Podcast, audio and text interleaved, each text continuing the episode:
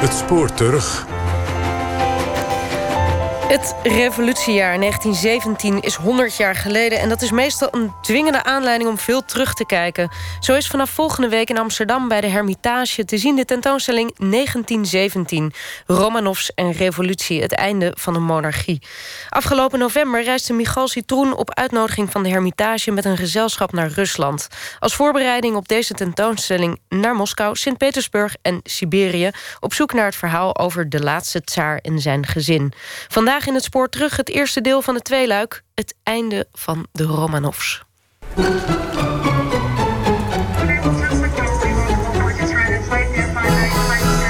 In het vliegtuig op weg naar Moskou pak ik het boek over de Romanovs.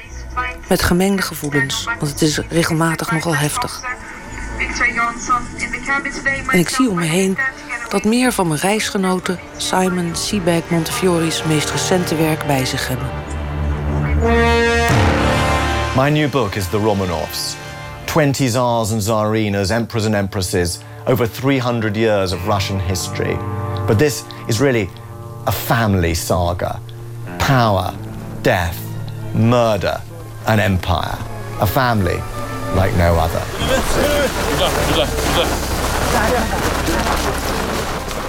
We gaan naar Sint-Petersburg, Moskou en Jekaterinburg aan de grens van Siberië. En we worden ontvangen in een reeks van musea, archieven, instituten en kerken.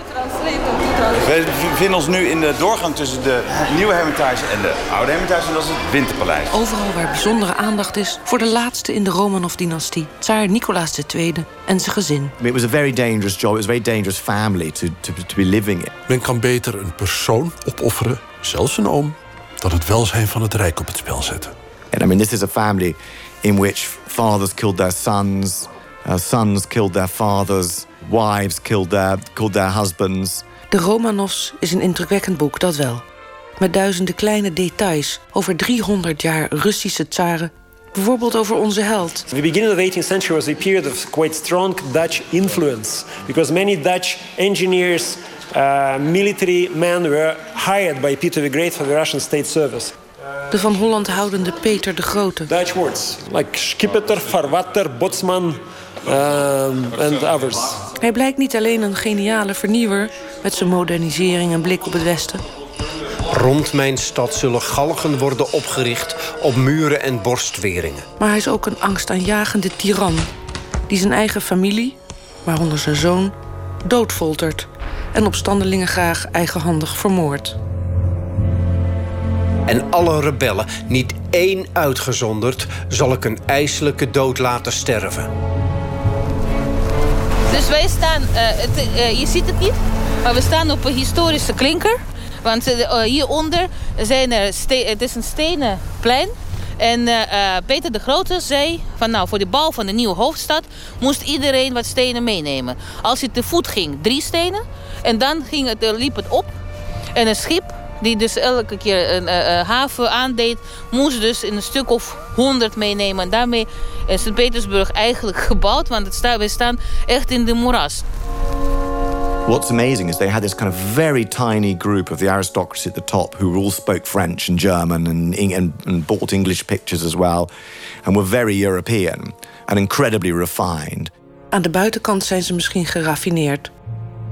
Maar verhalen over de Romanovs laten de waanzin zien van absolute macht. And then just underneath them, you had 90% of the population that was, there were serfs, that were chattels, that were slaves. I mean, serfdom is slavery.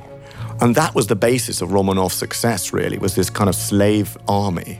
I they barely fed them. De eeuwenlange, vrijwel continue bloedige vreedheden en excessen gepleegd rondom en door de vaak gestoorde machtswellustige Russische tsarenfamilie geven je het gevoel tegen je zin vast te zitten in een buitensporig gewelddadige fantasieserie, een harde pornofilm of een slechte maffiasoap. En het is regelmatig moeilijk te geloven, maar de details, zoals die over Peter de Grote, zijn te lezen in geciteerde brieven die de familieleden elkaar schreven. Ik zie Rusland als een landgoed dat eigendom is van de tsaar. Het wordt bestuurd door de adel en bewerkt door de boeren. En ik ben de landsheer van Rusland. In 1917 komt het allemaal tot een explosieve omwenteling. Met de Russische revolutie, de Eerste Wereldoorlog en het einde van de heerschappij van tsaar Nicolaas. Uh, dit is een, statieportret uh, van hem, uh, net zoals zijn vader werd afgebeeld. Dit gaat naar Amsterdam. Ja. En op deze reis voor de tentoonstelling van de Hermitage richten we ons op de ondergang van het ene gezin. Van een incompetente, zwakke vader, een ongeliefde en hysterische moeder. Dat is, dat is Alex, dat is Alexandra. Ja, Vier beeldschone dochters en één ziek over het paard getild zoontje de onmogelijke opvolger. Het, het interessante is, alle portretten, alle tsaren waren daar in de collectie van het museum, van de Hermitage, maar tot heel kort geleden toe geen portret van Nicolaas II. Uh, na de revolutie werden alle portretten van zowel Nicolaas als Alexander, die er dus een veel hoeveelheden hier wel waren, werden ze dus hier weggehaald. Niet vernietigd, maar verschillende musea. Ik moest al mijn kracht verzamelen om niet in de kerk voor ieders ogen in te storten. We dineerden om acht uur en gingen vroeg naar bed omdat Alex zware hoofdpijn had. Ze moest alsmaar huilen omdat de bruidsjurk zo zwaar was dat ze niet kon bewegen. Ik ben zo ongelooflijk blij met Alex. Jammer alleen dat mijn werk zoveel tijd vraagt. Die zou ik liever bij haar doorbrengen. Voor mij is een heel nieuw leven begonnen. Ik kan God niet genoeg bedanken voor de schat die hij me in persoon van mijn vrouw heeft geschonken. Maar de Heer heeft me ook een zwaar kruis te dragen gegeven.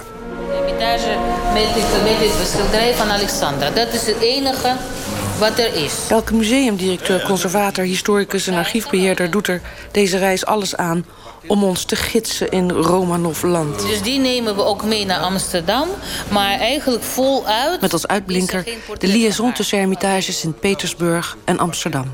De zeer deskundige Svetlana Datsenko. Uh, Stas zegt van nou, hij houdt van dit portret, want hier zie je precies hoe ze was. Ja. Dus gewoon een slachtoffer. Uh, uh, van wat slachtoffer? Nee, gewoon van het leven. Dus want ze was ze is de tsarina die nooit lacht. Ze leed onder het leven. Ze leed, ja, ze leed uh, echt enorm in haar leven.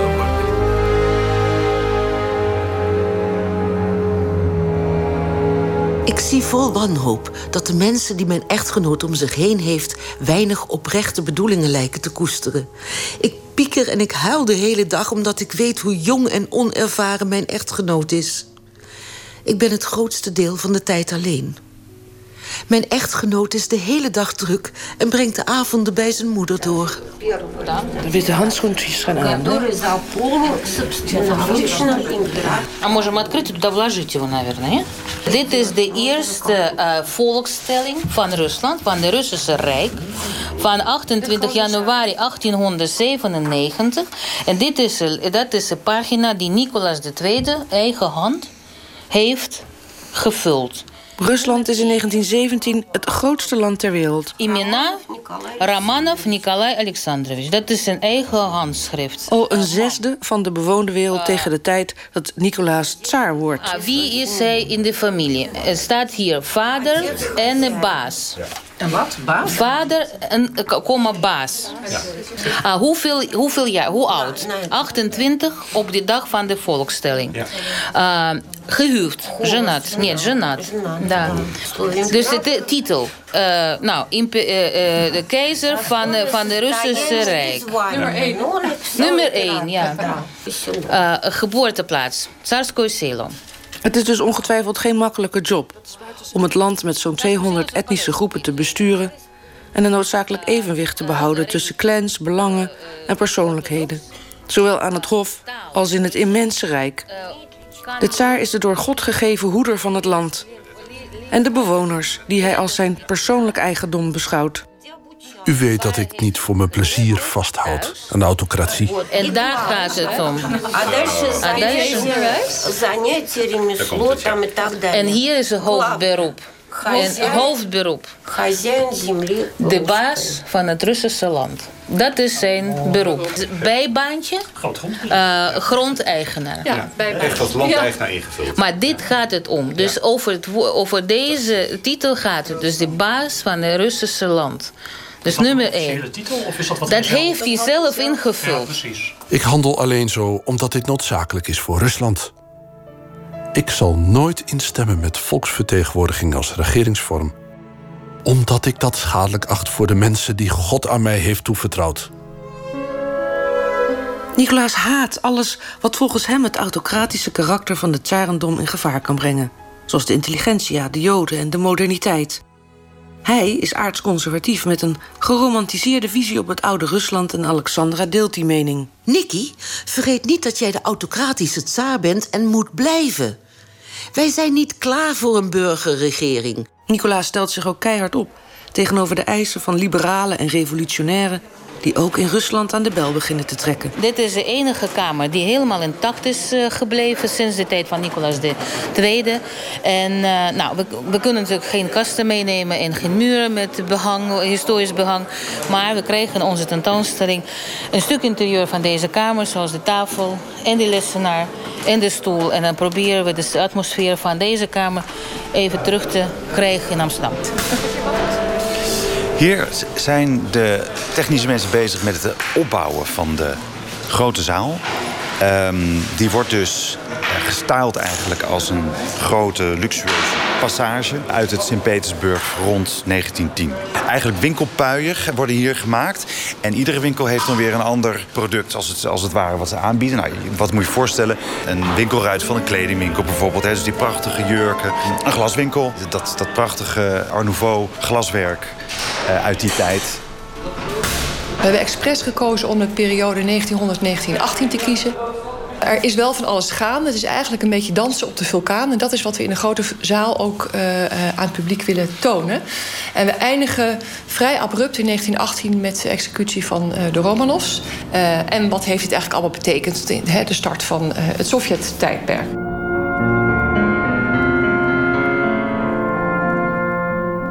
Ze schuifelden, duwden en verdrongen elkaar. Met hun begeerige, trillende handen reikten ze naar hun kop soep. Op klagende toon vroegen ze om een beetje meer. Smeekten om een fles melk om thuis aan hun stervende baby's te geven. Vertelden ze lange, onsamenhangende verhalen over gebrek, ellende en kou. Maar door de draaideuren van Hotel Astoria kwam dezelfde onafzienbare stoet vrouwen in bont en behangen met juwelen. De mannen in schitterende uniformen. Over de bruggen reden limousines af en aan. Trojka's maakten muziek op straat. De muziek van sleebelletjes en stalen glijders in de sneeuw. Als altijd waren er dromme mensen op straat. Zaten de trams stikvol en deden de restaurants gouden zaken. En overal hoorde je mensen praten, zoals we dat alleen in Rusland doen. Het land van het eindeloze gepraat. De Hermitage wil in de tentoonstelling het einde van de Romanovs illustreren aan de hand van misstappen van de tsaar in het decor van de Russische hoofdstad Sint-Petersburg.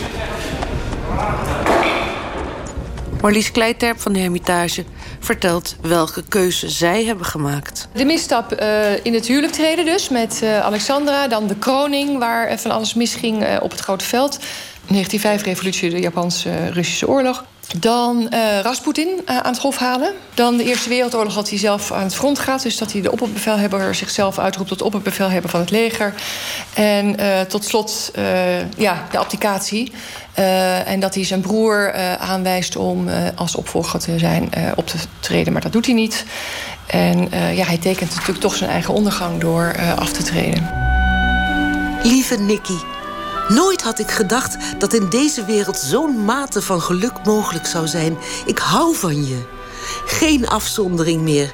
Darling, het is moeilijk gelukkiger te zijn dan wij. Samen met zijn gezin. Het is een heel hecht gezin. Ze houden veel van elkaar. Uh, hij heeft eigenlijk minder affiniteit met uh, uh, de politiek en de regering dan je zou wensen in die tijd. en het lijkt erop, zeker met, na, met, met de toenemende sociale en politieke onrust, dat ze zich steeds verder terugtrekken en zich eigenlijk zo min mogelijk met de buitenwereld bemoeien. Hij moet dat natuurlijk wel als tsaar, maar wordt er ook constant op aangesproken dat dat niet goed genoeg gaat. Ik brand van ongeduld om weer in jouw armen te liggen. Ik verlang zo hevig naar je. Als je weg bent, is er niemand om te kussen en te strelen. Weet dat ik daar in gedachten nooit mee ophoud, mijn engel. Je liefhebbende Alex. De oorspronkelijk Duitse Alexandra is als tsarina geen succes. Dus we gaan hier uh, die familie introduceren, maar ook die eerste misstap in feite door uh, in het huwelijk te treden met iemand die niet voor een gezonde troonopvolger kan zorgen. Het probleem daarvan is niet dat ze zozeer van elkaar houden, als wel dat zij uh, de drager is van het gen uh, waardoor uh, alle jongens die zij krijgen hemofilie zullen krijgen, dus die bloed, bloederziekte. En dat gebeurt ook. Ze krijgen vier dochters, maar het vijfde kind is een jongen. En ja, die is heel kwetsbaar en wordt heel beschermd opgevoed.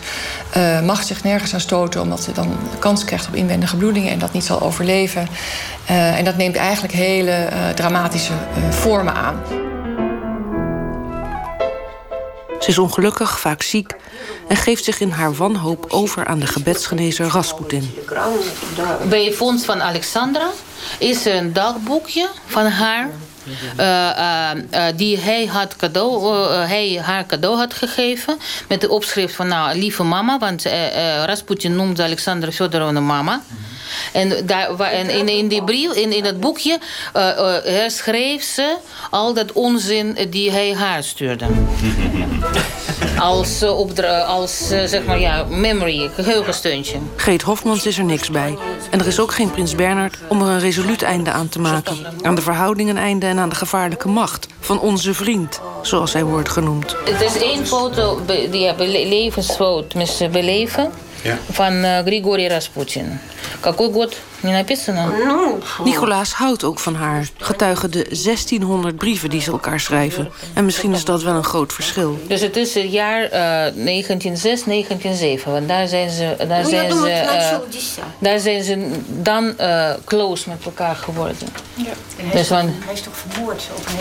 Ja, hij was, geroepen, de, hij was geroepen bij het hof als die, die, die, die, die, die, die, de genezer van Alexei. Hij was een soort wat mysticus, toch? Hm? Ja, ook op een mystieke wijze werd het ook wel. Die bloed kon niet stoppen van, van hem. Dat was dus zeg maar, op een gegeven moment heeft hij ook een heel gro grote invloed uh, gekregen op Alexandra. Zo groot uh, uh, dat hij ook uh, even overspringen. Вот можно вот это письмо тоже Это телеграмма. Не, не, вот это письмо распутинское сверху. А, это телеграмма. А, это телеграмма. Bijvoorbeeld dit. Dit is zijn eigen hand. Dus zo, zo, zo veel invloed had hij dat hij dus brieven schreef aan het zaar toen hij al in, in, in het leger was.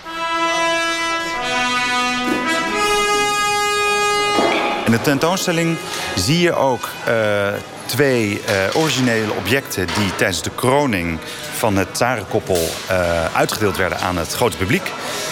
een mok en een, en een zakdoek.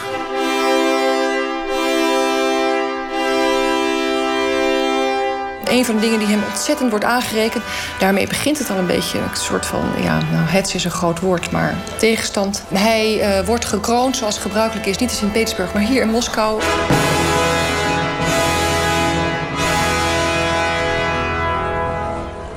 Er wordt gefeest en het is gewoonte om bij uh, kroningen uh, cadeaus uh, uit te delen aan het volk. Dat gebeurt buiten op een groot veld. zoetigheden, maar ook cadeautjes. daar ontstaat een sociale onrust. Ik zal het even heel kort samenvatten, maar er ontstaat eigenlijk paniek. Die bezoekers worden bij de cadeautjes. Dit zijn de cadeautjes. Svetlana, zijn dit nou de cadeautjes waar de run ja, op ja, dat is op de dag van de coronatie. Dat was dus een hele groot feest in Moskou. was een speciale, een speciale veld voor ze opgemaakt. Waar dus honderdduizend, geloof ik, van dat soort glazen ingepakt in dat, uh, ja, in die, ja, qua ingepakt. Maar mensen dachten, er was een soort gerucht uh, dat er de stenen die die feesten uh, zouden stukken grond cadeaus worden gegeven, gewoon gratis. En die gingen dus massaal op die paviljoens, die werden bestormd. Dus 1300 doden door een mok en een zakdoek. Eigenlijk. Door een mok en een zakdoek, nou ja. En geruchten. Ja, en slechte organisatie. Nicolaas wil zich het liefst in een klooster terugtrekken om voor de slachtoffers te bidden. Maar onder druk van zijn familie besluit hij dood te feesten. En dat doet zijn reputatie bij zijn onderdanen geen goed. Die tsaar was dus daar echt mee kwalijk genomen... want was een bal gepland bij de Franse ambassadeur. En ze hebben uiteindelijk de feest niet afgelast. En eigenlijk blijkt hij nooit de consequenties van zijn besluiten goed te overzien. Het stond wel in de krant de volgende dag. Met die foto's van de Godinka-veld stond er wel een mededeling voor de bevolking van Moskou dat de Tsar wel in het feest zijn geweest bij de Franse ambassade, maar niet hebben gedanst.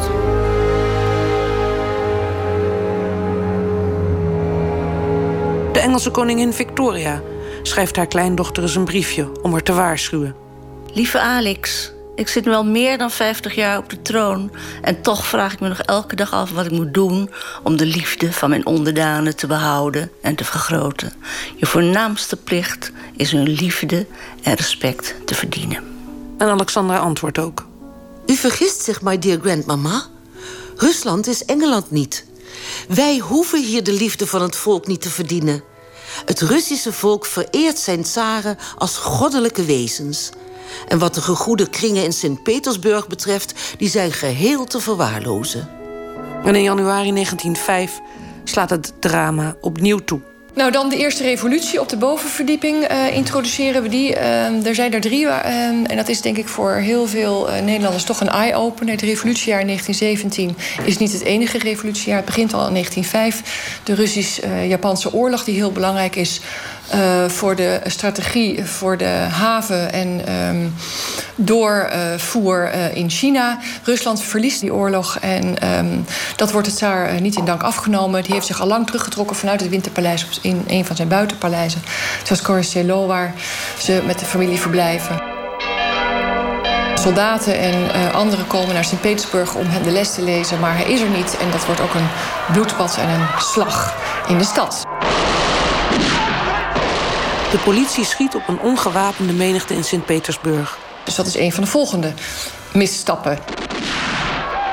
Alexandra is in de war over de haat en de onrust aangewakkerd door bloedige zondag. En ze schrijft aan haar zus. Lieve Ella, vanwege de revolutionaire onrust en de militaire nederlaag draagt bij Nicky een loodzwaar kruis. Des te meer omdat er niemand is op wie hij echt kan terugvallen. Wat een afschuwelijke dag hier. Wat pijnlijk en triest. Nicolaas maakt zich minder druk. Mama arriveerde uit de stad. Met iedereen geluncht. Stukje gewandeld met Misha. En mama bleef de hele middag slapen. En weer honderden doden op deze bloedige zondag heeft nu verstrekkende gevolgen. Want de heilige band tussen het Russische volk en de tsaar wordt deels gebroken. De eerste volksvertegenwoordiging kan Nicolaas niet meer tegenhouden. Hij heeft al zoveel diepe teleurstellingen te verwerken gehad... en toch blijft hij dapper en geloven in Gods genade. Maar er heerst een nijpend tekort aan wat ik echte mannen noem. Had zijn vader nou maar meer van dat soort mannen om zich heen verzameld... dan hadden we daar nu wat aan. Aan de ooms hebben we echt niks. Je Alex. Dus Alexandra was dus ja, op zijn zachtst gezegd niet geliefd. Maar mensen haten haar. Dus het is niet. De, af en toe duikt nog een portret van Nicolaas op. Maar die van Alexandra is er niet meer te vinden. Want die werden ook vernield. Want, van, ook vanwege die, natuurlijk die band met Rasputin.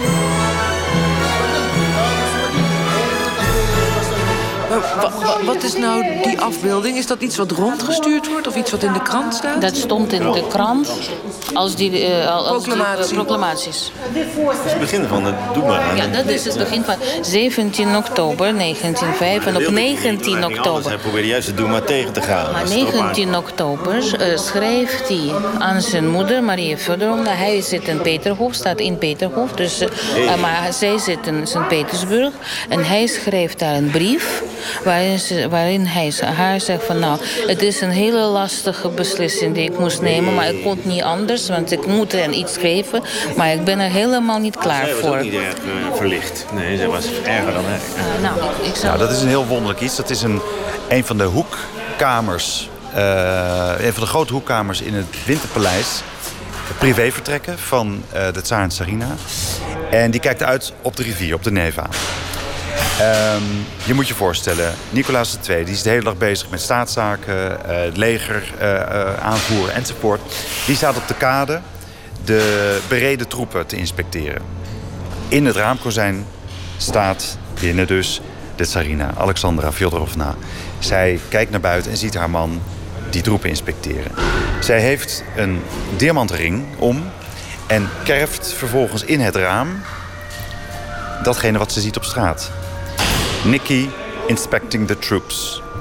En dat heeft ze met een diamantenring in het raam gekerfd en het is nog steeds te zien in de Hermitage.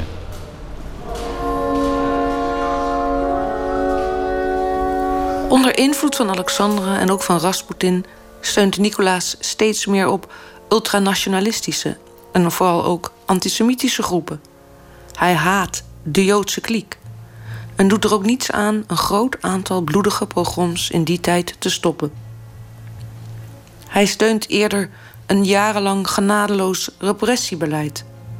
En dat in een tijd van economische bloei en vooruitgang. Ik kan u morgen om zes uur ontvangen. Ik heb iets bedacht om dit gouden moment niet ongebruikt voorbij te laten gaan. Nicolaas probeert de mobilisatie en de op handen zijnde oorlog op 14 juli te voorkomen. En hij schrijft aan zijn minister van Buitenlandse Zaken. Kunnen we, met instemming van Engeland en Frankrijk, vervolgens ook van Duitsland en Italië, Oostenrijk niet aanbieden zijn geschil met Servië niet voor te leggen aan het Hof van Arbitrage in Den Haag? Dan verliezen we geen kostbare tijd voordat de gebeurtenissen echt onafwendbaar worden. Probeert u dit nog vandaag te doen? Ik heb mijn hoop in de wereld nog niet verloren. Dan het war, dan breekt de oorlog uit. Dan gaat uh, Nicolaas naar het front. Een van zijn volgende misstappen, dat is zichzelf benoemd tot opperlegerleider. Dat is hij natuurlijk ook wel formeel op papier, maar hij trekt ook echt naar het front. Ik stond voor het grote beeld van de Verlosser in de grote kerk. Toen een innerlijke stem mij leek in te fluisteren dat ik de knoop moest doorhakken. Ik heb besloten het oppercommando over te nemen. Ik heb gehoord wat iedereen erover heeft te zeggen, maar ik hou vast aan mijn besluit. Verslagen die ook de historicus Montefiore aanhaalt in zijn boek over de Romanovs laten zien dat de tsaar niet zonder slag of stoot overgaat tot mobilisatie en dus ook oorlog in 1914. Telegrammen tussen Nicky en neef Willy, de keizer van Duitsland, gaan over en weer. Zoals altijd blijft hij twijfelen en kan dan niet anders meer zonder de gevolgen te overzien. De Russen hebben dan binnen verrassend korte tijd een ongekend aantal soldaten op de been. En ook in heel korte tijd, door totaal gebrek aan leiding, inzicht en materieel, vele miljoenen doden en krijgsgevangenen. Lieve Nicky, het valt me zwaar je te laten vertrekken. Je draagt het allemaal zo dapper in je eentje. Laat me je helpen, my treasure. Er is vast een manier waarop je vrouw je daarbij van dienst kan zijn. Ik zou het zo graag voor jou en je kakelende ministers makkelijk willen maken. Het maakt me razend en ze moeten leren sidderen voor je. Rasputin, onze vriend, heeft hetzelfde gezegd. Niemand weet nu wie de tsaar is. Je moet de leiding van het hoofdkwartier overnemen en alle ministers daar samenroepen. Je Alex. Dat Nicolaas beslist zelf het commando op zich te nemen, is op zijn zachtst gezegd geen wijs besluit. Zeker niet omdat ondertussen Alexandra met Rasputin totale chaos en wanorde veroorzaakt in de hoofdstad met de ene fatale beslissing na de andere. Hier laten wij kostuums zien en oorlogszaken zien. En wat heel bijzonder is, ook een collectie van Fabergé. En dan moet u niet denken aan prachtige sieraden en uh, uh, mooie dingen voor op tafel. Maar Fabergé heeft ook oorlogsmaterieel gemaakt. Dus voor het leger uh, servies, potten, pannen, borden om van te eten. Maar ook voor in het de ziekenhuis, het hospitaal. Het winterpaleis dat gedeeltelijk wordt omgetoverd tot hospitaal. Uh, injectienaalden enzovoort. En dan uh, het revolutiejaar. Dat is natuurlijk het uh, prominente onderdeel van de tentoonstelling. Uh, twee revoluties. de februari-revolutie waarin Nicolaas wordt gedwongen af te treden. En dan ook de oktoberrevolutie. het sluitstuk waarin de familie wordt afgevoerd. Wij gaven dus aan alle afdelingen een opdracht.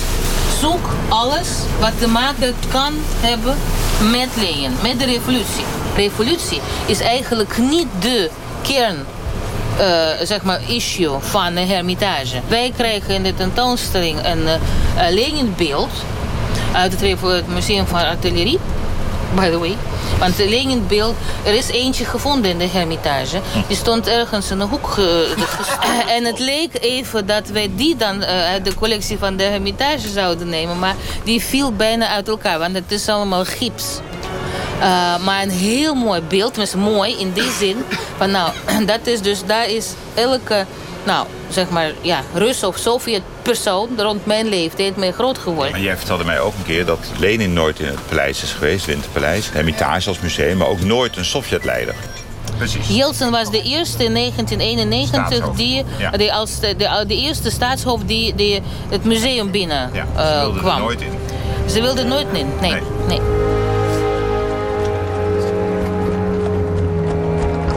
Er hing al een sfeer van diepe wanhoop over de hoofdstad. Het was duidelijk dat de oorlog een te grote druk legde op het economisch leven in het land. De straten waren modderig en de winkels leeg.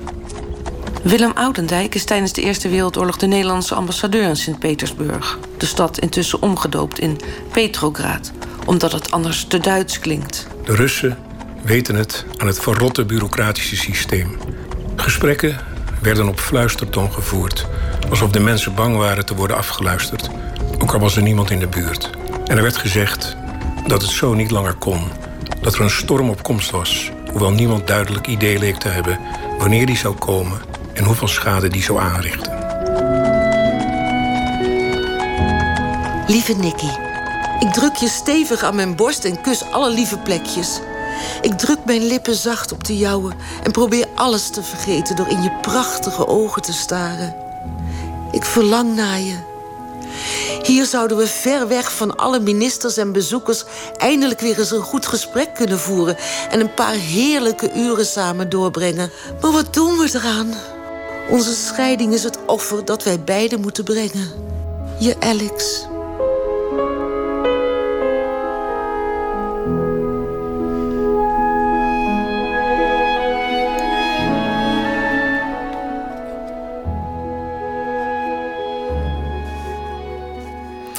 Dat was het eerste deel van het tweeluik over het einde van de Romanovs.